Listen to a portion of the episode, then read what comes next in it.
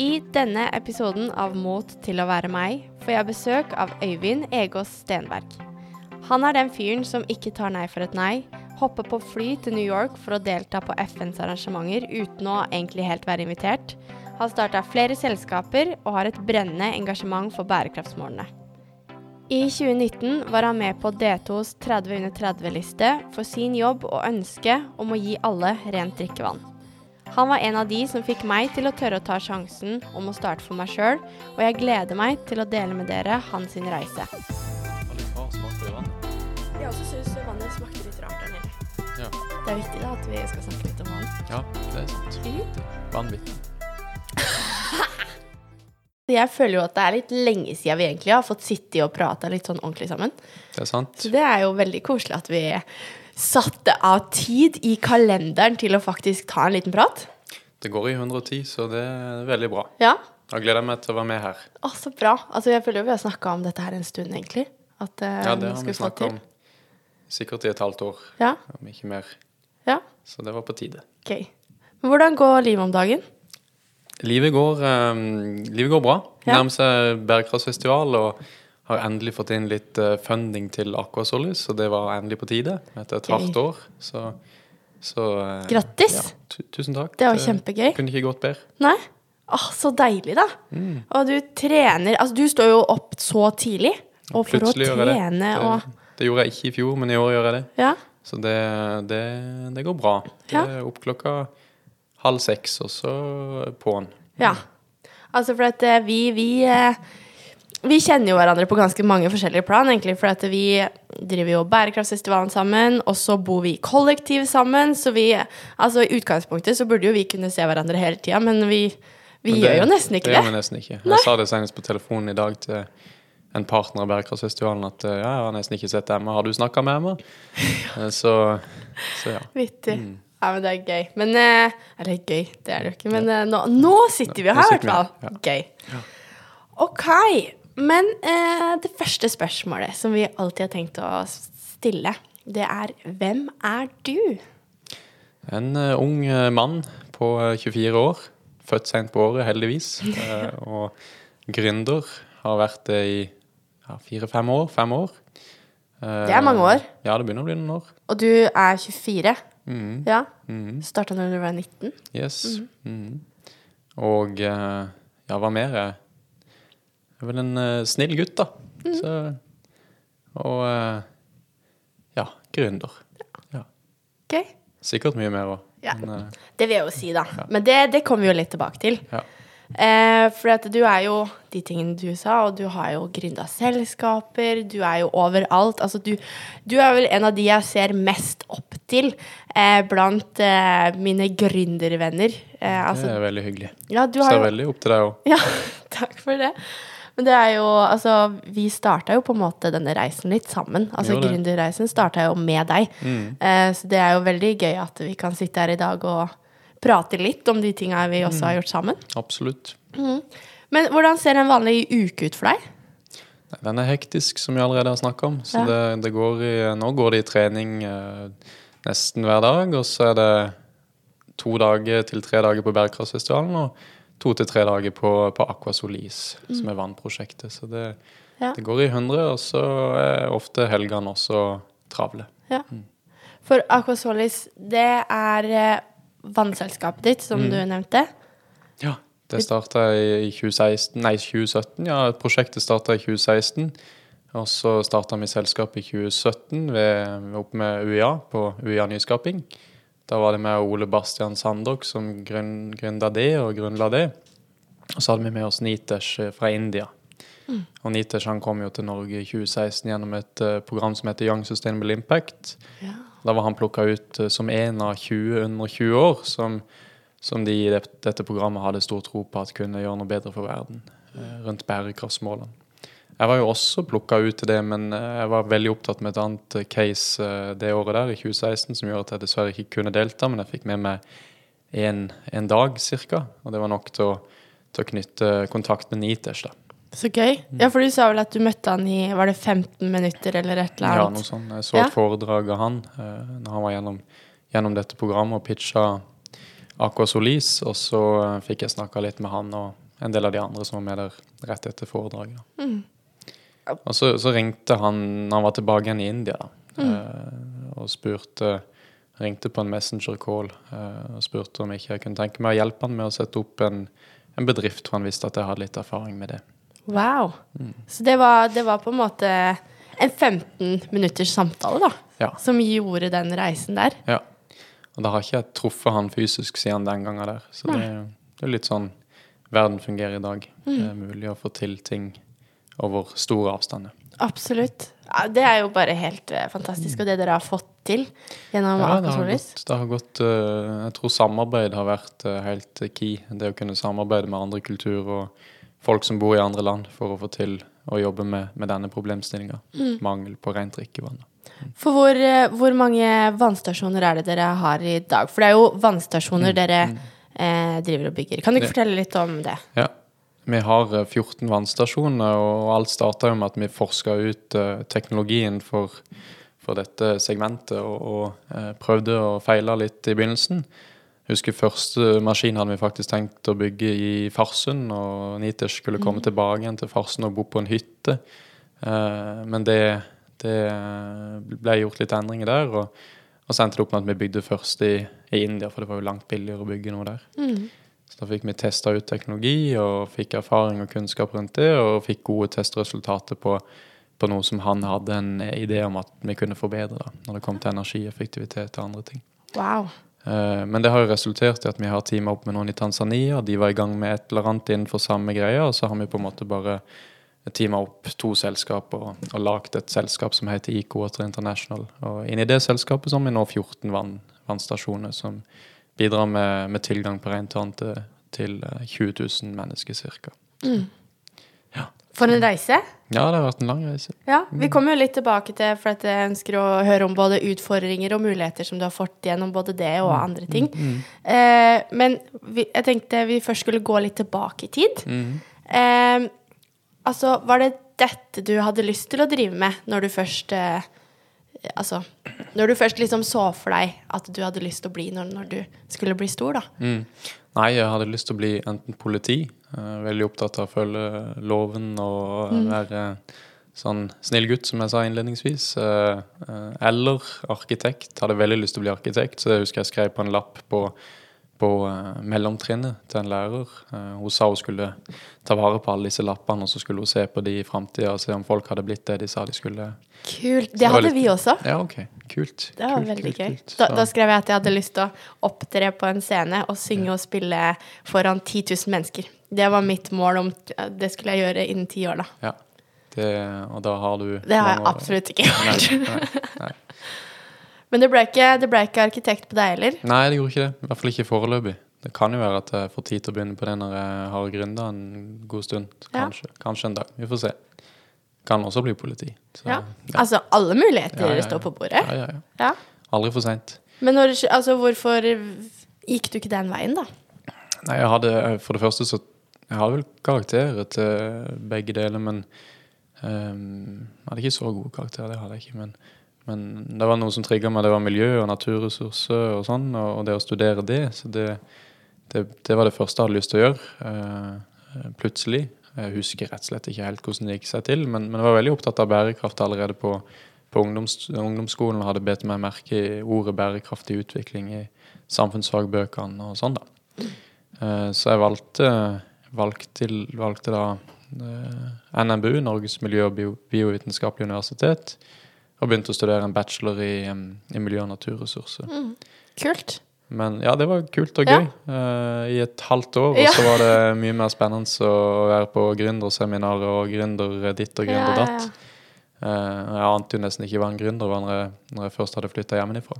Men, men det fikk jeg oppleve på, på Ås, da. Ja, for jeg tenkte litt på Altså, du vokste jo opp i Farsund, på en litt sånn der eh, landlig sted. Jeg har jo fått eh, gleden av å være på den, eh, det, det området som du vokste opp på. Det er jo så nydelig. Det er eh, masse grøntområde, du har en egen brygge, og altså, det var jo helt idyllisk. Ja, Tror du kanskje det kan ha noe med det å gjøre? det tror jeg absolutt. Mm. Eh, det tror jeg. Jeg har jo vokst opp i, i eh, et sånt uh, angår. uh, så, så, det har uh, sikkert forma meg som person, ja. Vært ute i skogen og jobba med bestefar og hogga ved og trær og sånn. Så det mm. Mm. Men hvordan var det å vokse opp i Farsund? For det er jo ikke et veldig stort sted? Nei, det er et lite sted. Altså, som sagt så, så visste jeg nesten ikke hva en gründer var. Du, jo lært ikke om sånne ting på, på skolen. Det vet jeg de gjorde noen andre plasser i landet, så, så, så, litt øde. Litt utenfor eh, resten av samfunnet, kanskje. Mange sier at det er en, en endetarm på Sørlandet. Men, eh, en endetarm. Men en veldig fin endetarm, da. Ja. Mm. ja. helt nydelig, vil jeg si, da. Mm. Men altså, har du alltid tenkt på at du har hatt lyst til å starte for deg sjøl? Eller gjøre noe utenom, utenom litt sånn rammene, da? Jeg hadde, hadde ideer om det sikkert Eller jeg hadde ideer, er vel rett ordet, uh, i oppveksten. Men uh, jeg kobla liksom ikke det sammen med at jeg kan starte opp en, en, bedrift. Det gjorde jeg ikke før jeg kom på Ås, da. Så mm. det var der jeg ble, ble, kom i kontakt med, med andre gründere og, og, det type miljø, da. Mm. Åssen mm. type miljø var det?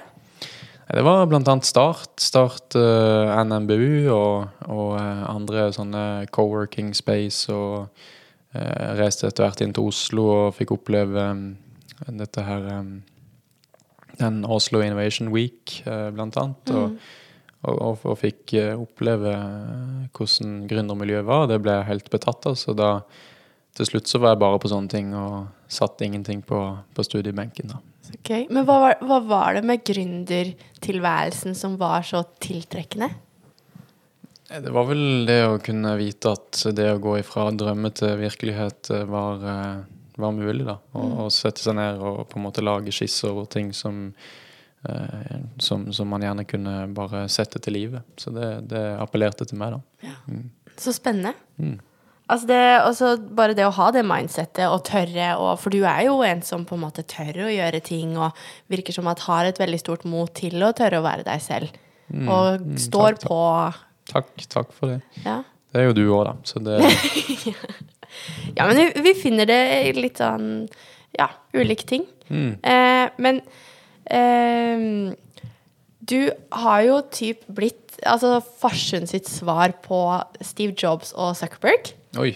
Det var jo veldig store ord å bruke. Ja, men det, men det, er jo litt sant, da. For det, altså, du droppa jo ut av skolen for å starte for deg sjøl. Mm. Altså, hvordan fant du ut da, at du ville Ok, nå slutter jeg på skolen, og nå eh, hopper jeg litt sånn på bar bakke.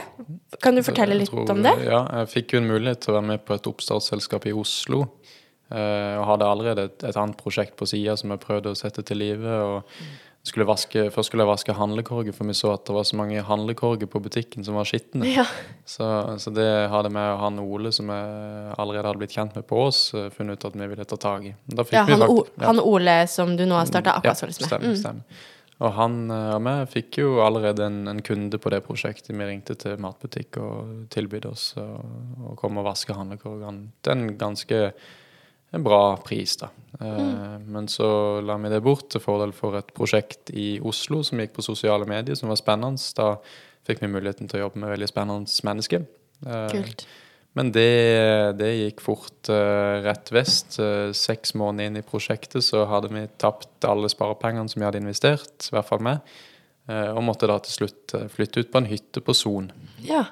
Men, men, la oss snakke litt om på en måte den reisa. At mm. det det høres ut som bare Det skjedde, det skjedde. Altså, men det, det, har jo skjedd sikkert mange ting i løpet ja, ja. av den perioden. Fordi at når dere for eksempel, Hvis vi går tilbake til eh, handlekurvene, da. Ja. Hva var det som ikke funka med det prosjektet? Hvor det vel, gikk det, det bare At, uh, på den tida når du, når du, så vidt hadde begynt, så Jeg tror i, uh, i det ene teamet så var det en forventning om at man skulle konsentrere seg om én ting.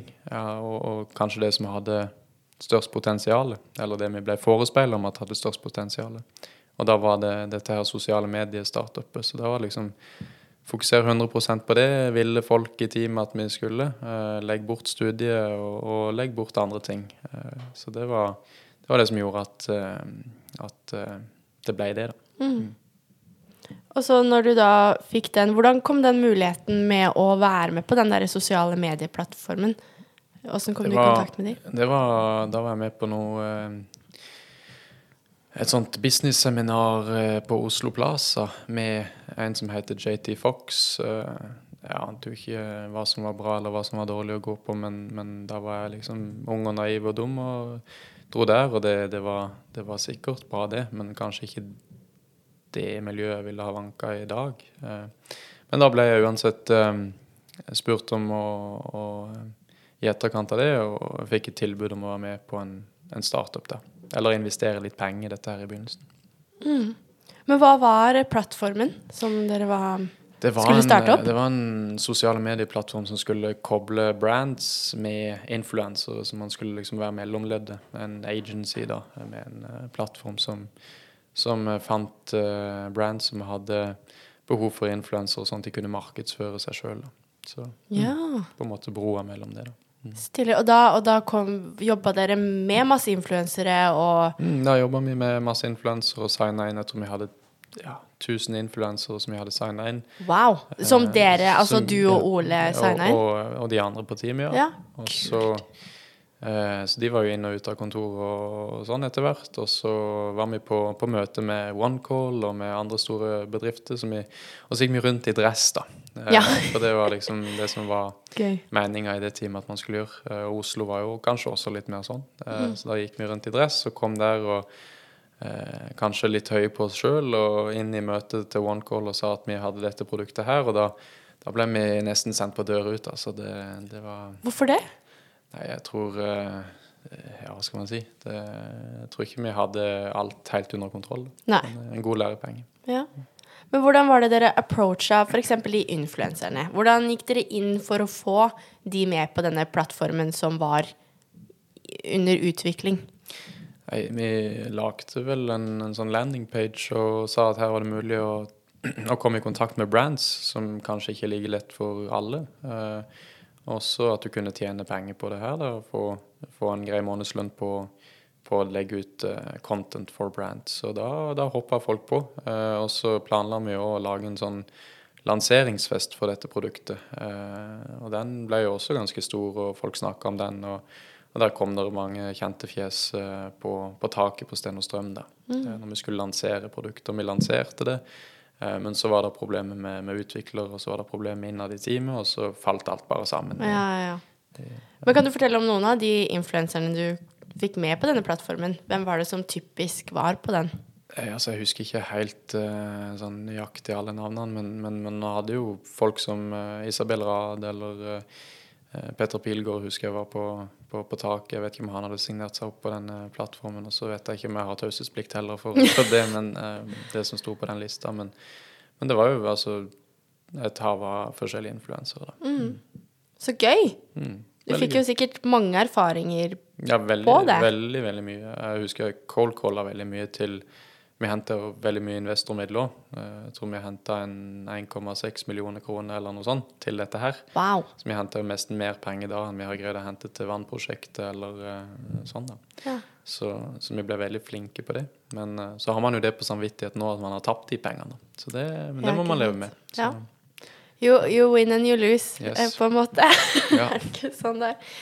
Uh, men jeg har lyst til å gå litt over til et tips at du skal gi et tips. Mm. Eh, om du har noen tips til hvordan man kan starte eller komme seg inn i et sånn type startup-miljø. For du er jo inne i veldig mange miljøer nå, og mm. alltid egentlig oppfatta at du har vært inne i sånne miljøer. Mm, mm.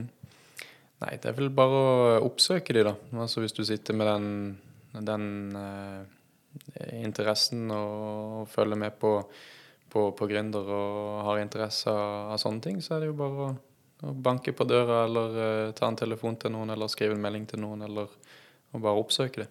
Mm. Så lenge covid-restriksjonene tillater at du kan komme inn nå, så er det jo bare å kjøre på. Ja. ja. Men du er jo helt rå, da, for du er bare sånn Ja, bare ta og ring de, eller gjør det, eller Altså, det husker jeg jo helt i starten, når vi starta med Bærekraftsfestivalen også. Så var det sånn Altså, jeg hadde jo aldri gjort noe sånt her. Altså, jeg hadde gått rundt og levert på en måte sånn sponsor eh, søknader, type, altså bare en sånn mm. der eh, avtale på 5000 til Meny og mm. til andre lokale bedrifter der jeg kommer fra, mm. for at de skulle være med på en festival som var der, da. Mm. Men altså det å bare ringe til en eh, daglig leder eller en administrerende direktør mm. Du er bare sånn Ta og ring, ta og ordne det, og liksom Altså Det er jo bare å prøve. Ja. Men nå gjør du, du det òg, da. Du ringer jo Ja. Erna Solberg i morgen om du vil. Ja. Ja da, en må, en må jo bare stå på. Men det, men det er jo en ting som er veldig kult med deg, da. Ja. At, du, at du bare går for det du har lyst til. Mm, og det er veldig, veldig rått. husker en samtale spesielt eh, som jeg pleier å fortelle om. Det var når jeg sto på kontoret i Oslo med dress og var 19 år og bare ringte til, til han her, eh, han milliardæren som gikk ned i, eh, i Grimstad, eller jeg husker ikke hva han het engang, men eh, han strømmilliardæren. Strømmilliardæren. Ja. Einar Aas, ja. Einar Ja, Jeg ringte ja. til han. Så, Ja. for jeg gikk bare inn på listene over Norges rikeste når vi skulle finne investor, og Så tok jeg bare liksom, ja, Det var mulig å finne nummeret sitt, og så ringte jeg han, og så fortalte jeg om sosiale medieprosjektet til han i et, eh, et minutt eller to eller tre. Og så satt han og hørte på. Ja, ja, det var bra, men det var ikke helt for han. Men det var bra. Så det var Altså, Ja. Så man må jo bare gjøre det. en må jo alle. bare gjøre det. Men det er jo ikke alle som liker det, da. Så man må jo ha interesse av å snakke med folk. Og jeg har vel en, en interesse av, av den type arbeid og Ja, relasjoner. absolutt. Mm. Ja, Men det er et godt tips. Egentlig bare, bare snakk med folk. Ja. Ja. ja. Og det er jo ikke farlig, det heller, egentlig. Det er ikke farlig, det. Det er jo jeg merka. Jeg var jo litt sånn Det var, tok jo litt tid før jeg turte å ringe, og at det bare var å ta opp telefonen, men eh, Men nå gjør du det til daglig. jeg, jeg må jo bare starte, ja. Denne episoden er sponset av South Coast Creative. De driver med kreativ og dødskul innholdsproduksjon som film og foto over hele Sørlandet. Vi har også brukt de i Bærekraftsfestivalen, noe som har fungert over all forventning. Og teamet og våre samarbeidspartnere har vært superfornøyde med både gjennomføring og ferdig filmprodukt. Derfor bruker vi de selvfølgelig også nå for å få godt fotoinnhold til podkasten. Så hvis du har et arrangement eller en bedrift som trenger å markedsføre seg selv gjennom film eller foto, er South Coast Creative gjengen å kontakte. Sjekk de ut på Facebook, Instagram eller nettsiden deres. Nå skal vi ha en spalte. Oi. Vi har eh, tenkt å ha en spalte som heter Snacks på internett. OK. Ja, så jeg har jo googla eh, og funnet ut Altså, jeg vet jo egentlig det her fra før, for jeg var jo med deg. Eh, men du ble kåra som 30 under 30 av D2 ledestjerner. Mm. Det er jo veldig kult. Det er kult. Ja, gratulerer. Takk for det. Det er ikke alle som kan si at de har blitt gjort At Nei, de har blitt kåra Det som er ikke alle. Så det, men jeg håper det er mange som kan si det etter hvert. Ja. Det, Og det, og det var jo fordi at du ville gi 663 millioner mennesker rent drikkevann. mm. litt, litt vel ambisiøst, men, eh, men fortsatt mulig hvis man samarbeider. Så, Ja, ikke sant? Og det er jo noe med det å sette fokus på det, og det gjør jo du. Mm. Det er, altså, men eh, hvordan ligger du an med det? Og Nei, jeg sa jo at vi har 20 000 som benytter seg av vannstasjonene, og, og eh, ja, vi må i hvert fall greie noen millioner. Og hvis man kan teame opp med, med større selskaper som har litt muskler og finansiell eh, styrke, så, så burde man få til det med gode samarbeid. Det er jo det vi jobber for også i Bærekraftsfestivalen, å få til samarbeid for å nå målene. Det er jo et selskap i, i Danmark blant annet, som heter Grunnfors, som satser veldig på det her. og de, de har sagt at innen 2030 så skal de bidra med rent vann til 300 millioner mennesker. Så det er, det er mange å spille på lag med da, for Ja. å få det til. det er jo kjempebra. Men hva tenkte du da, når du, når du fikk den beskjeden at du er en av 30 under 30? Det er veldig hyggelig å høre at folk hadde motivert Nei, eh, rett og slett eh, eh, lagt inn en, mitt navn på, på det her. Og, og det, det var jo veldig stort å få den anerkjennelsen. Eh, så, og det hjelper jo på motivasjon eh, Mm. å, å kunne bli med på en sånn liste. Absolutt. Ja. Så veldig stort. Mm. Absolutt. Og vi var jo inne i eh, Oslo Ja. Spektrum. Mm. Det var vel eh, var det september 2019, ja, og var på dette showet her, da. det var vi. Mhm. Da, da, da var det vel hun Kristine Spiten som stakk av med seieren av disse 30, eller noe sånt. Det tror jeg. Mm. Men det er jo en seier i seg sjøl, da. Bare Absolutt. å havne på den lista. Så det, det synes jeg det er jo bare helt rått. Absolutt. Og det, det åpner jo flere muligheter når man uh, får en sånn uh, anerkjennelse. da. Mm. Du har blitt kalt Vannmannen. Mm, har jeg. Har du blitt. Ja. Vannmannen har jeg blitt. Ja. Om jeg vil eller ei, så er det det jeg heter. Ja. Av og til. Mm. Gøy. OK. Men la oss snakke litt om utfordringer. Eh, for du har jo møtt på en del utfordringer på reisen. Eh, altså både helt i starten, som du nevnte, med sosiale medieplattformen, men også litt i de senere årene, eh, når selskapene har gått tilsynelatende bra. Så hvordan fant du motivasjonen til å fortsette som gründer etter at det hadde gått dårlig? F.eks. med den sosiale medieplattformen. Det var jo fordi at det var det jeg hadde interesse for, og det jeg likte. Så det var på en måte ikke noe, noe spørsmål engang. Det var, det var bare å hive seg rundt på neste prosjekt og neste, neste idé eller neste mulighet. Eh, og det gjorde jeg jo òg. Så, så det, det, er bare så iboende at det, det, er liksom den eneste naturlige utveien å, å finne et nytt prosjekt, da. Mm. Hvis det går dårlig. Mm. Eller, eller, eller, begynne på nytt og se hvor det gikk galt, og prøve seg igjen. Så, mm. Så du er jo en skikkelig sånn seriegründer, egentlig? Ja, kanskje etter hvert. Jeg har vel kanskje blitt det. Du har jo starta Googla, googla jo, da sto det at du var på syv, eh, syv roller på, på Proff. Ja. Så da er man seriegründer, kanskje. Ja, eller Du har i hvert fall starta flere selskaper, da. Ja. Og har eget holding og, mm. og alt sånt. Måtte jo ha det. Ja, Det heter jo One Earth. Mm. Det heter One Earth. Det kan godt være jeg skal bytte, bytte navn etter hvert. Uh, fant ut at han Leonardo DiCaprio hadde samme navn på sin, ja.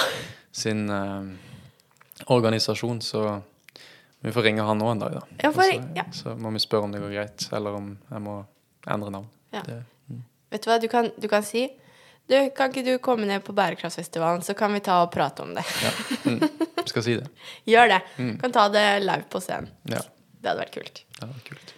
Men eh, altså Hvorfor eh, Fordi at ting Med sosiale medieplattformer, da, hvis vi går mm. tilbake til den mm. eh, Ting begynte vel å gå litt skeis før det på en måte At du bare mista alle ja, sparepengene. Ja. Ja, Hvorfor ga du ikke opp? Eh, det var vel fordi at jeg var sta og hadde lyst til at uh, man skulle Nei, det var mange ting, da. Uh, ville vel at uh, man skulle løse det på en så god og ryddig måte som mulig. Eh, så ja. Og så, så sto man jo til ansvar også for de som hadde investert i dette her. og man måtte jo helst prøve å få det til, og, og prosjektet fortsatte også etter at jeg hadde, at jeg, etter at jeg hadde forlatt det. Så det holdt vel på i et år eller noe sånt, og så ble det lagt ned eller avvikla. Mm. Når var det du skjønte at du nå er det på tide å gi opp? Nei, Det var når teamet sånn sett ikke fungerte så veldig bra. Så var det ja, på tide å dra derifra. Mange andre grunner som gjorde, gjorde at eh, det ikke var riktig å være der. Mm. Og da dro du ut på en hytte? Og da dro jeg ut på en hytte, ja. Mm. Mm. Da var jeg der i tre måneder. Så, tre måneder? Etter det så flytta jeg hjem til Farsund, på gården der jeg hadde vokst opp. Eh, da bodde jeg alene der i et hus i et år, og så fikk jeg meg kort tid etterpå jobb i Kristiansand som selger. Mm. Så ville jeg bli enda bedre på salg, da. Men hvordan var det når du var på hytta og i huset, og liksom da hadde du Altså, drømmen hadde kanskje gått litt i knus? Uh. Ja, eh, altså Jeg vet jo ikke min store drøm var sosiale medier. Uh, det var jo heller egentlig miljøet og det jeg jobber med i dag. Mm. Så ja. Det, det var en fin mellomfase ja. til å finne ut av hva man, hva man ville gjøre. Mm. Så bra. Mm. Og nå i dag så driver du jo driver du jo flere selskaper, og det går jo egentlig ganske bra. Altså, du sa det jo akkurat eh, at eh, her om dagen så fikk du inn en, Nesten en million, ja. Ja, ikke sant? På tide. Altså, det er jo bare helt rått. Ja, det er jo det er jo rått, det. det fikk, rått. fikk, inn en million på mandag. Altså, ja. det, er, liksom, det, det, var en, en fin mandag. Det er en god start på uka, det. Mm. Altså, men hvordan, hvordan, hvordan, får du det til? Altså, hvis du skal approache en en investor, da. Mm. Hvordan gjør du det? Nei, da må du vel uh, finne noen som kanskje kan ha interesse av det du driver med. Se etter folk som har uh, samme type lidenskap, og jeg tror det er viktig. Uh, ikke bare ringe hvem som helst. se om noen driver med noe lignende, eller har investert i noe lignende. Og så er det egentlig bare å ta opp telefonen og ringe. Jeg tror du har mye større sannsynlighet for å, for å få et møte eller et ja på, på noe hvis du tør å og ringe de, da. Mm. Mm. Så, Så det kan jo være Eller så kan det jo være ren tilfeldighet. For meg har det vært mange tilfeldigheter. Jeg har møtt noen eller vært på, på type eh, samling eller seminarer som har gjort at jeg har truffet noen som har satt meg i kontakt med, med noen som jeg absolutt uh, ja, kunne passa bra sammen med. Da. Mm. Og, da, og da hjelper det jo veldig å være sånn eh, altså ute der, altså outgoing. Ja, Hva er det norske ordet si? Eh, ja, men outgoing og på en måte på å like å prate med mennesker. Ja, ja. Det er jo kanskje litt lurt. Eh. Det er jo en fordel. Ja. Så hvis du har et team, så bør du vel sikkert finne noen som, som liker det på teamet, da. Ja, mm. ikke sant. Eh, men OK. Eh, hvordan har det vært nå litt de seinere årene? For du, du driver jo med ting hele tiden. Mm. Altså Går det bare bra, eller er det liksom Nei, det går jo opp og ned. Altså, jeg har jo, jeg har jo når man snakker om at det går, det går ikke alltid på skinnene. I fjor med korona og alt, så var det tøft. Det ble ikke noe av Bærekraftsfestivalen. Og eh, hadde, har på en måte hatt andre jobber som jeg har livnært meg på de siste årene. Jeg har jobba både på Color Line og på Traparken og på Heidis. Eh, og når man mister alle de jobbene på, på samme tid, så, så, mister man jo hele det økonomiske grunnlaget og, og sånn. Så da, da, var det hardt, og så ble det ikke noe av Bærekraftsfestivalen, som jeg sa. Så måtte man på en måte ordne det på en fin måte. Og så, så var det heller ingen inntekter nede i, ned i Tanzania. Eh, så da, da, ble det mye. Eh, og treningssentrene stengte, og jeg fikk ikke trent. Og, og så, så, har man på en måte eh, havna litt ut på Ikke helt ut på kjøret, men man har mista, mista fokus og rutiner. Og, mm. Mm. Så, så, det var tøft i fjor høst. Da, da hadde jeg gått ned altfor mange kilo. Mm. Men de har jeg henta inn igjen nå, så da ja. Ja, for det syns jeg er så fint å se hvordan du på en måte har løfta deg opp igjen også. Altså selv om det går eh, gærent noen ganger, da, så, mm. så finner du samtidig på en måte Du prater om det, du er åpen og ærlig om det, og mm og at du da henter deg inn igjen. Altså du finner liksom Du finner tilbake til deg sjøl. Ja. Eh, virker det sånn, da? Ja, absolutt. Så Nei, altså det var, det var ille når det først uh, sto på i høst. og jeg husker jeg skulle prøve meg på en første trening, og da veide jeg bare 65 kilo. Nå veier jeg heldigvis 10 kilo mer, uh, bare noen måneder etterpå. Uh, og så skulle jeg spise masse på morgenen tidlig opp, og så rett og prøve å svømme litt. og prøve å slå en Eller se hvor fort man kunne svømme. Eh, og så endte jeg opp med å bare stå og kaste opp etterpå, da. Så det, da var man ikke helt i form. Så, men så har man måttet bygge seg greit tilbake igjen. Og for meg var det òg viktig å, å oppsøke miljø eller eller noen man kunne snakke med. Jeg hadde jo en coach, eh, blant annet. Eh, og så var jeg også innom Coworks, hvor de hadde fokus på, på dette med psykisk helse og, og det, da. Mm. Mm. Ja, det, Selv om ja. Selv om jeg tror det er folk som har det langt verre enn meg, da. Ja. Selvfølgelig. Men så er det jo noe med det å ta vare på seg sjøl òg. Og det er jo noe du fikk kjenne litt på, at det, mm. da måtte du sette av litt tid til å ta vare på deg selv og mm. finne litt ut av hvordan du skulle gå videre herfra, da. Ja, ja. Mm. mm. Og det er jo kjempebra. Ja. Altså det er en, seg sjøl først, altså. Mm. Det er viktig. Altså mot til å ta vare på seg selv Absolutt. er jo også utrolig viktig. Absolutt. Det, så det har jo vært en fin livserfaring, det òg. Mm. Og du har jo blitt veldig flink til å sette grenser. Ja. Eh. ja, for man blir jo eller I hvert fall det veldig lett å si ja til mange ting. Så mm. det er noe som man må passe på. Så det er godt å høre at du ser at jeg har blitt flink, flink til det. da. Mm. Ja, ja, men det, det, merker jeg. Det er, det er veldig positivt. Mm. Det er viktig. Viktig å si nei òg. Absolutt. Og du er jo skal jo være der for alle, og det alle setter pris på det, men det er noe med Det er jo til alle som hører på, at det er viktig å se sjøl først. Absolutt. Alltid. Mm. Eh, Muris, han har eh, som regel et eh, spørsmål. Eh, og fordi vi driver jo og prepper sammen. Så eh, det, det spørsmålet han lurer på i dag, er vann er noe vi må ha, og som vi tar for gitt. Eh, spesielt i Norge, hvor vi har utrolig mye av det, og vi tenker kanskje ikke så mye på at det er nødvendig for å overleve. Eh, Nestle, Nest, Nestle Nestle? Nest, ja, tjener penger bl.a. på å selge vann, og sier at det ikke er en menneskerett. Aquasolis selger vann fordi det er en menneskerett. Hvordan finner, eller fant dere i Aquasolis, balansen mellom profitt og veldedighet? Kult. Uh, nei, altså vi, vi var jo tufta på FN sine bærekraftsmål som sier at alle skal ha rent vann innen 2030. Og det var på en måte grunnlaget. Så da måtte man jo finne en, en løsning som både var bærekraftig for verden og for, uh, for, oss som bedrift, sånn at det kunne gå rundt. Uh, vi har jo prøvd oss på, på å være enda mer veldedige, men, men, da møter vi fort veggen og får ikke økonomi i det her, så man må finne, finne en mellomting. og i motsetning til, til Nestle så tilbyr jo vi vannet med at folk tar med seg sin egen drikkeflaske. Eh, tapper vann til en femtedel av prisen eh, i forhold til Coca-Cola eller Nestle. Og så, og så eh, er det mener vi at det er bærekraftig. Mm. Mm. Ja, for det er jo noe med det å tenke den trippel bunnlinja. Mm. At det skal være people, planet og profit. Ja. Så da tar vi jo vare på, på kloden, og så tar vi vare på menneskene. Og så tar vi også vare på Eh, ja, nå må jeg repetere det for meg sjøl. People, planet, ja. profit. Eh, og at, at, butikken går. da. Mm. mm. Ikke sant. Uh, men hva, hva, er det du har lært mest av uh, i alt det du har drevet med? Uh, ja, det er et godt spørsmål. Hva har jeg lært mest av? Jeg tror, jeg, tror, ikke jeg greier å svare sånn Jeg har liksom lært så mye, så det hva jeg har lært mest av Kanskje du kan hjelpe meg litt på vei? ja, hva har du lært mest av? jeg vet ikke. Ja. Jeg har lært masse om, om, eh, om bærekraft. da. Så mm. jo, hvis, hvis, det er et svar på spørsmålet, at jeg har lært uh, masse om, om, uh, om, det temaet der, og det er jo det jeg brenner for. Mm. Så, mm.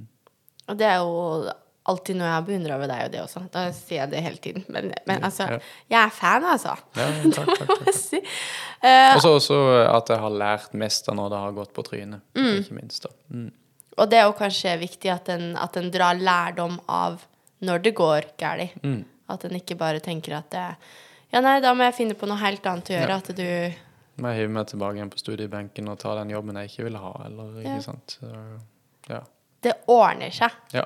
Det, det, det gjør det. Mm. Eh, altså, du er jo veldig flink til å, ha, å gjøre ting gøy. Altså, mm. Vi har det jo masse gøy, og vi har noe, når vi skal i møte, f.eks., så har vi en uh, saying. Hva er det vi sier da? Kopi, kopi, kopi. kopi. Ja, ja, ja. ja, ja. altså, du er jo veldig flink til å gjøre ting gøy. Ja. Altså, hvordan har du det gøy som gründer?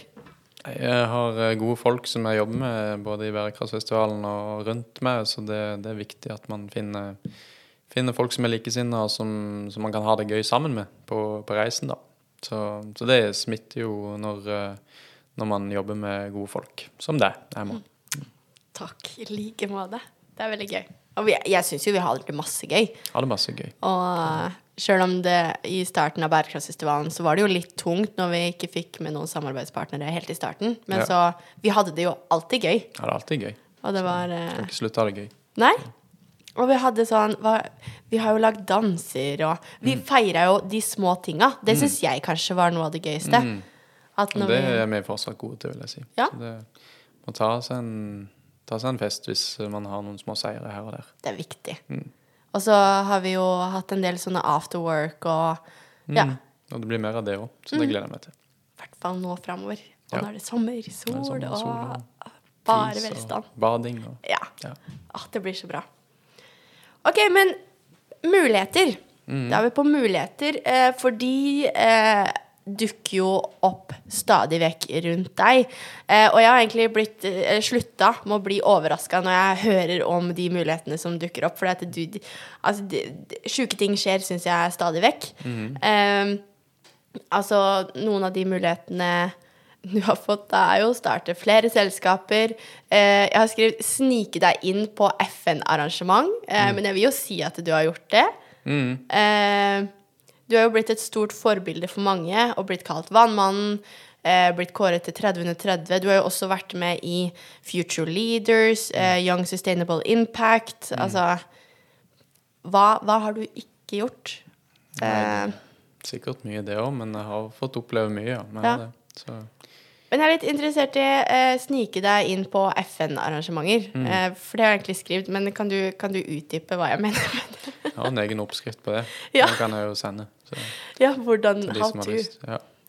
Nei, uh, er flere deler av den historien, men jeg begynte jo jeg, hadde, jeg var jo helt besatt på at jeg måtte følge etter Greta Thunberg, for jeg var så inspirert av når hun skulle seile over dammen for å være med på dette toppmøtet til FN. og da begynte jeg å ta opp telefonen og ringe til ministrene og til, til kongehuset, og fikk mange nei. Ja, i da- Norge. Ja, i Norge, ja. Mm. ja. Men da hadde jeg også nettverka i forkant eh, og visste at jeg kjente noen så vidt det var på, på sosiale medier som, som hadde eh, tilknytning til FN. da. Så For du ringte de. Hvorfor ringte du de? til eh, minister og Ja. sånn. Det var fordi jeg tenkte at Eller jeg visste vel at den norske delegasjonen var satt sammen og eh, var utnevnt av kongen eller et eller annet sånt, og, og at ministeren hadde ja, et eller annet de kunne si eh, i forhold til det. Eh, eller en eller annen makt eh, med hvem som skulle være med eller ikke, da. Så jeg begynte der. Jeg skulle i hvert fall finne ut av hvordan man kunne greie å komme seg med, men det var ikke sjans. Men da var det en inne i FN-systemet som jeg snakka med på Instagram, som tydeligvis kunne hjelpe meg med det. Da Så det, da kom jeg meg med, og, og det var veldig gøy å sette seg på flyet med miljøministeren som hadde sagt at det var ikke mulig, eller et eller annet sånt, eller jeg hadde snakka med sekretæren, eller hvordan det var. Så var det bare sånn hei, hei. Hei, hei. Da Eller jeg hadde snakkes sendt vi igjen, mail i da. hvert fall Ja. til han etter, etterpå, så den hadde han sikkert lest. Mm. Ja, men snakka du med han når du satt på Nei, ja jo, jeg snakka med han når vi skulle til gaten og sånn, så det var, det var spennende. Hva, hva snakka du om med miljøministeren om? At dere skulle Eh, nei på tur? det, Da sa jeg takk for sist, for jeg hadde truffet han på en konferanse som heter Enova-konferansen. Eh, og så sa jeg vel at eh, ja, det var meg som holdt på med vann, og, og eh, ja, at jeg så fram til å dra på, på FN, og fant ut at han også skulle der. Så det, ja. Mm, det var var gøy. kult. Altså, Men- sånne ting syns jeg bare er helt rått. Altså, du, du bare plukker opp telefonen. Du, du bestemmer deg for at du skal til, eh, til FN-samlinga fordi at Greta Thunberg skal til FN-samlinga, og så begynner du bare å ringe til masse ministre. Mm. Det er jo ingen som Ingen tenker jo at det er en mulighet. Hvis man har lyst til noe, så må man jo bare gå og ta det man har lyst på, da. Så Ja. det, Det er jo helt vilt. Men, men, eh, men snike seg inn, det var jo også en del av det. For at jeg hadde ikke sånn premium-ticket. Jeg kunne ikke gå hvor jeg ville inne på dette her eh, området. Så, men da, da gikk jeg, husker jeg, for jeg, jeg måtte jo inn og se Greta Thunberg. Eller jeg måtte jo inn i det hovedrommet der det skjedde, da. For det var mange som bare hadde plass på utsida, som bare kunne se det på skjermet. Men da greide jeg å snakke meg forbi en, en, en sånn politimann. Så Hvordan? han, han sto med døra, og så var det en som gikk foran meg og viste opp sin sånn, eh, billett, og så sa de at nei, men du har ikke riktig, og du må gå der. Og så sto han og diskuterte og fikk til slutt eh, prata et eller annet om at han måtte inn, eller et eller annet. Og så kunne jeg bare nesten gli etter han. Så det da Ja. Ja. Du var bare sånn I'm with him. Jeg er med han. Så, ja. Ja, gjorde du det? Nei, jeg husker ikke helt Nei. hvordan det var i detalj, men eh, jeg kom i hvert fall inn en plass som jeg ikke hadde lov til å gå inn. Så, ja. så fikk jeg oppleve det òg. Altså, det, det er bare rått. Mm. Og brått så var du på afterparty på Var du ikke det også? Jeg var på afterparty, ja, det fikk jeg også muligheten til å være med på på, på FN. Men Mm. eh, ja, det var, det var kult, det. Da ble jeg dårlig. Da fikk jeg, da, jeg var jetlagd og endte opp med å kaste opp den gangen òg, da. Hele, hele natta. Så Ja. det var en god start på turen. Men åssen foregår et sånn type eh, Ja, hvordan foregår et FN afterparty? Altså, jeg ser jo for meg litt sånn eh, dresser og nå skal, vi, nå skal vi skåle med champagne og altså, Ja, det var, jo, det var jo sånn. Det var jo fri bar, og det var gratis mat, og det var på, på en sånn rooftop eh, på sida, masse høye bygg, og du lå ute og så på elva. Du visste at folk, politi i båtene lå i elva patruljerte, og da lå kanskje snikskyttere på taket fordi at Trump var i området. Og, og, så, så det var veldig sånn surrealistisk å være midt oppi alt det. Eh, så ja. Sjukt. Men, men om det er bra og, ja, altså FN burde jo være ute og redde verden, de burde ikke Men, men man skal feste litt òg, som vi snakker om, så ja, Skal ha det litt gøy òg. Moro. Mm. Skal ha litt moro. Kan ikke bare ha det gøy. Ja. Så lenge redde verden-budsjettet er mye, mye høyere enn festebudsjettet. så. Ja. Men altså, bare det å tenke på at det her er det snikskyttere som på en måte passer på at eh, det ikke skal være noen andre snikskyttere. Altså, var du ikke noe redd? Altså, jeg hadde tenkt på det, tror jeg. Ja, nei, det tenkte jeg ikke så mye på. Det, det var bare sånn kult. Wow, der ligger politi og politibåt, og, og hvem er det de passer på? Nei, de passer på oss, sa de. OK. Ja, kult. Så bra. Ja. Ja, jeg blir målløs, jeg. Altså, jeg bare syns det er så kult. Ja, det er kult. Ja. ja. Du er så rolig på det. Altså, hadde det vært meg, så hadde jeg bare. Jeg har vært der, og la, la, la. Ja, ja. og det var- Altså, jeg- nei, vet du hva, dette, dette er bare helt vilt. Ehm, ja, altså Jeg tenkte jo å si, men det har jeg jo sagt flere ganger, at det, altså, du er jo en av de grunnene til at jeg blei gründer. Jeg husker vi satt på Mækkern og spiste is, og hvor jeg satt og tenkte sånn åh, skal jeg tørre å være med og starte Bærekraftsfestivalen, eller Det er jo en usikker Mm. usikker tid i vente. Altså, vi, vi hadde jo ikke noe særlig inntekt, noen av oss, og ja, måtte Ja. jo jobbe litt på sida og sånt. Mm. Så det, det syns jeg er veldig fint, da. At du er så Altså at du er en inspirasjon for så mange. Eh, og, og er alltid på, motiverer og prater og Det er jo sikkert, hvis det er noen lytterne her som ønsker å på en måte jobbe med noe av det du gjør, eller noe, så er det jo sikkert bare å ta kontakt. Ja, det er bare å ta kontakt. Ja. Ring 47 30 45 65. Og Ja, ikke sant? Ja, og det, og det, det anbefaler jeg alle å gjøre, altså. Mm. Altså å ta, ta kontakt og tørre å kjøre på. seg ut i det. Mm. Ja, ikke sant?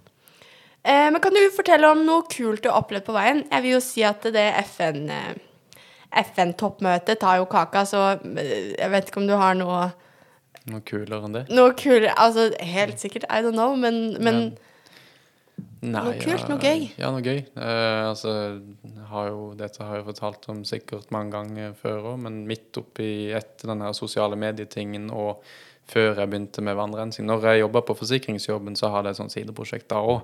Så det har vært mange ting. Eh, da var det skulle jeg se om det var mulig å selge elementbygg fra eh, Øst-Europa til Norge. Eh, hvor miljøvennlig det var, det regnet jeg aldri ut. Men det var gjennom det, og da hadde jeg en tur ned til Bulgaria i en ukes tid og fikk sett på fabrikker der. Og da var jeg vel 20, så det, da brukte jeg tida på det. Men eh, åssen åssen kom du i kontakt med de? Altså reiste ned til Bulgaria? Nei, det, var, det, det dreiv egentlig med noen av de inne i Oslo, og hadde sånn sett et eh, ja, eh, sideprosjekt på sida sosiale medieprosjekt. og så hadde jeg egentlig solgt et hus til bestemor og bestefar, sånn nesten. Vi skulle bygge et nytt eldrevennlig hus til de. Eh, Så, så det viktigste for meg var å få, få det på plass. Det ble jeg aldri noe av. Det var mer spennende å drive med vann. og eh, Folk flytta fra prosjekt og ja. Der, Fra det byggeprosjektet? ja, var vi hadde en mann der nede som bodde i Bulgaria, som var vår mann på bakken, da. Som fikk seg en jobb i, eh, i Dubai, og da, da flytta han, og da var ikke det helt liv laga. Så Men hva gjorde du i Bulgaria? For du var der et par uker, eller? jeg, bare ei uke, Bare uke? eh, cirka. Da var jeg og besøkte fabrikker, og, og hadde også en fin tid hvor jeg fikk oppleve Bulgaria. Ja. Så ja. Du får jo mange muligheter. Mange eventyr, mange muligheter. Ja. Ja. Eh, Så det er jo noe med å bare kaste seg på det, da. Ja, da gjorde jeg det en, i en mellomfase. Jeg, jeg, jeg blir bare helt eh, Altså, det er jo, det er jo bare så kult. Eh, men hvordan finner du et mot da, til å være såpass framoverlent og tørre å ta de mulighetene som kommer? Godt spørsmål. Eh, hvordan man finner Altså, det er jo skikkelig vanskelig å svare på. Men, ja. men eh, det er vel kanskje å, være rundt andre folk som tør å gjøre det, og ha rollemodeller som tør å gjøre det, og finne ut at eh, det, det, du har verdens beste sikkerhetsnett i Norge hvis det skulle gå galt, og det kan på en måte ikke gå så veldig galt om det skulle gå galt. Så ja, jeg tror det er det beste svaret. Bare, bare rett og slett ta steg og når det først har gått galt én gang, så, så vet du hva det er. Og da kan det gå galt igjen uten at du Ja, det har den store betydning. Det er jo veldig, veldig fint, da. At du har det motet, og det ser jeg at du har, og står på med det Så du hvis vil. Bærekraftsfestivalen skulle gå ad under, så er det bare å starte igjen og så prøve Ja. igjen. Så det, men det, det går veldig bra om 40 dager til, da. Ja. Så Er det 40 dager til? jeg tror det. Sånn cirka. Så det blir spennende. Nå, nå må vi jobbe. Ja. Men eh, altså, i forhold til Bærekraftsfestivalen, Mm. eh, så er jo fokuset der også eh, Der også skal du jo jobbe med vann. Altså du jobber jo med Walk for water. Eh, og mye av den inspirasjonen har du jo henta fra en galla som du var på i LA. Ja. Det var Thirst Project i uh, Tror jeg kom i kontakt jeg måtte, jo- Når jeg jobba med vann, så leste jeg liksom Vi prøvde å targete bistandsorganisasjoner som, som driver med vann, da, for å se om vi kunne selge teknologi til de. Da kom jeg i kontakt med de og fant ut at de var en stor organisasjon. De var største, Project? Ja, Thirst Project var verdens største bistandsorganisasjon på vann, ledet av unge, så jeg sendte en mail til de, og så fikk jeg en hyggelig mail tilbake igjen. og jeg hadde på den tida en kompis som bodde i Los Angeles som jeg skulle bort og besøke, og da fikk jeg muligheten til å, til å besøke de samtidig. Og det var vel noe du gjorde samtidig, eller etter du var på den FN-samlinga i Ja, New da, York. da besøkte jeg de igjen for andre gang. Eh, Lukas hadde invitert meg bort på en galla. Lucas er Lukas er en av de som er leder i Thirds Project, Uh, og, og han uh, fikk meg da med på denne gallaen. Det var veldig kult. Da feirer de på en måte året som de har vært igjennom, og resultatene som de har hatt. De gir jo vann til mange millioner folk, så veldig kult å være der. Og der var det også mange kjente fjes, og de jobber veldig tett med, med influensere, annet, som, som setter fokus på, på denne problematikken. Så Hva slags type folk var det som ja, var der der? var Altså, Adam Sandler og eh, andre kjente fjes, da. Så Kult. Det var kult. fikk, du, fikk du snakka med dem? Jeg fikk ikke snakka med han. Jeg burde sikkert ha vært eh, enda mer frampå, men jeg snakka med veldig mange interessante mennesker. Det gjorde jeg. Du burde gått og dratt en vits. Ja. Jeg er ikke så god på det, men uh, Du er jo det. De kommer bare når du minst venter det. ja. Kult. Så uh, jeg har noen litt sånn siste spørsmål. Eh, hvor finner du inspirasjon til å gjøre det du gjør? Eh, Hos andre mennesker i disse gründermiljøene i Start fant jeg mye inspirasjon. Eh, Start er? Start er jo Start eh, et lokallag for entreprenørskap og innovasjon ved, ved Universitetet i Agder. En uh, organisasjon som er landsdekkende. Mm. Det var jo der vi også møttes, faktisk. Det er jo der faktisk. Mm. vi også møttes, ja. Så i sånne type miljø finner jeg inspirasjon i at andre driver med det samme og har prosjekt, og at man ser og lærer av hverandre og henter inspirasjon fra hverandre. og At man er et større miljø en større bevegelse som, som bygger, bygger den nye Norge, da. Eh, Men også andre eldre folk som har fått det til. og eh, ja, Folk med mye energi som, som tør å hoppe ut i ting, som Petter Stordalen eller, Ja, eller Bill Gates. kult. Mm. Eh, og, men hva ser du for deg altså veien videre er nå? For nå, du gjør jo, du gjør jo masse. Nei, det er jo ser veldig fram til å vokse Bærekraftsfestivalen fram mot 2022. Det gleder jeg meg veldig til. Og så i løpet av samme året så skal man også gå fra 14 til 20 til 30 vannmaskiner eh, med den fundinga som vi har sikra nå. Eh, så da forhåpentligvis så greier vi å tilby rent vann til 100 000 folk i løpet av neste året. Wow. Eh, så det blir spennende. Og nå, nå er det, dere er på 20 000 nå? 20 000 nå, så er målet 100 000 i løpet av et lite år. Så det får vi Ligger dere greit an? Ja, ja, ja. Ja. Nå som vi har fått funding, så, så ligger vi greit an. Og så skal vi ta et lån også, som er litt spennende. Så litt, eh, Ja.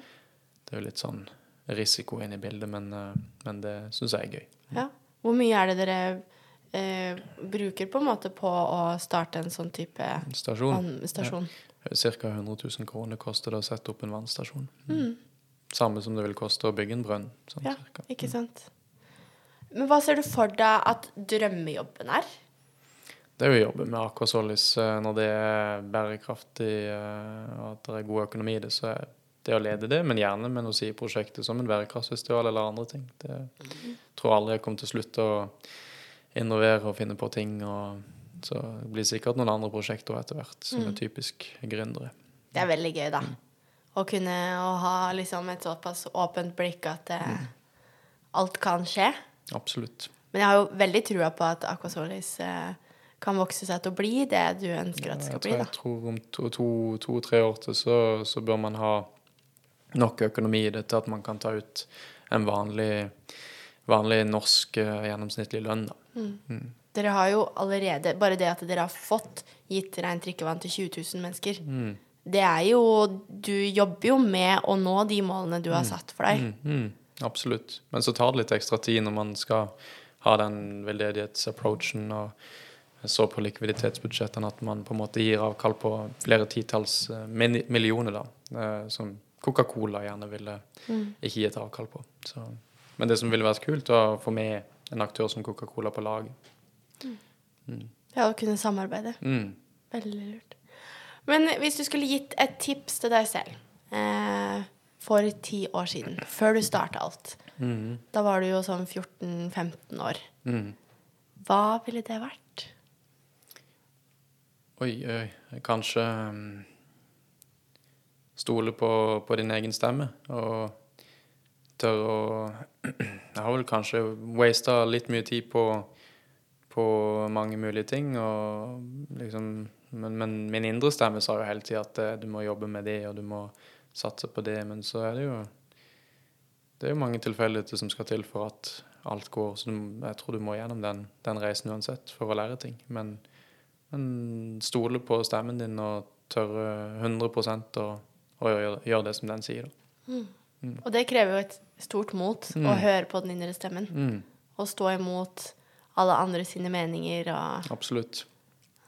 Så det er jo det er mange, i mange situasjoner hvor jeg sikkert har vært litt sånn vinglete også sjøl jeg, da. Som, som kan virke som en fyr som bare hopper i det, men, men til tross for det så har jeg jo på en måte måtte tatt noen valg som kanskje ikke var fullt så populære for min egen del. da. Ikke sant? For eksempel fake at jeg skulle ta en bachelorgrad, eller eh, Ja. ja. Ja. Ja. Ja, Så du har faka at du skulle ta en bachelorgrad? Jeg har sagt at ja, nå er planen min mamma og pappa at jeg skal ta en bachelorgrad. Jeg skal Ja. få meg en bachelor i økonomi, og så skal jeg ha liksom den sikkerheten i Men jeg visste jo fra dag én før at det kom en mest sannsynlig ikke til å gjøre. For Mm. jeg kom til å ville starte andre ting, og bærekraftfestival og ja. Ja, men, ja. Så, men da krevde jo det eh, litt av å kanskje si at det ble ikke bachelorgrad. ja det, når de har sett det etter hvert, så, så ja. Så, så krever det jo litt. Men, men nå Akkurat nå er jeg veldig mye mer trygg på meg sjøl og tør på en måte å stå for mine egne valg. Og, og dersom ting går dårlig, så går det jo utover meg, da. Det er ikke noen andre. Ja, det er jo det er jo bra at en vet det, og Mm. at, det- at du på en måte tør å stå i det du står i. Mm. Og tenke utafor boksen. Ja. Det syns jeg er virkelig beundringsverdig, altså. Og det at du står på, går på og ringer de du vil ringe.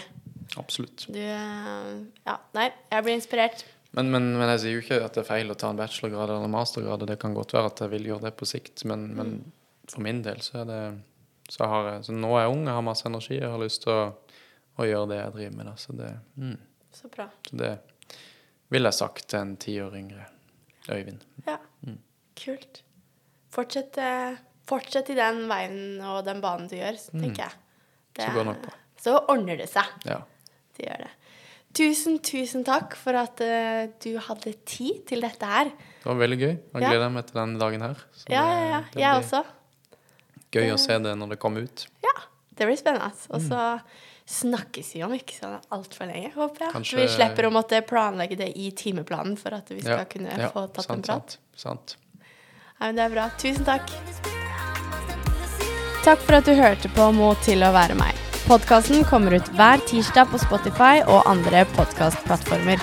Følg oss på Spotify, Instagram, Facebook for å få oppdateringer om neste podkast. Vi høres!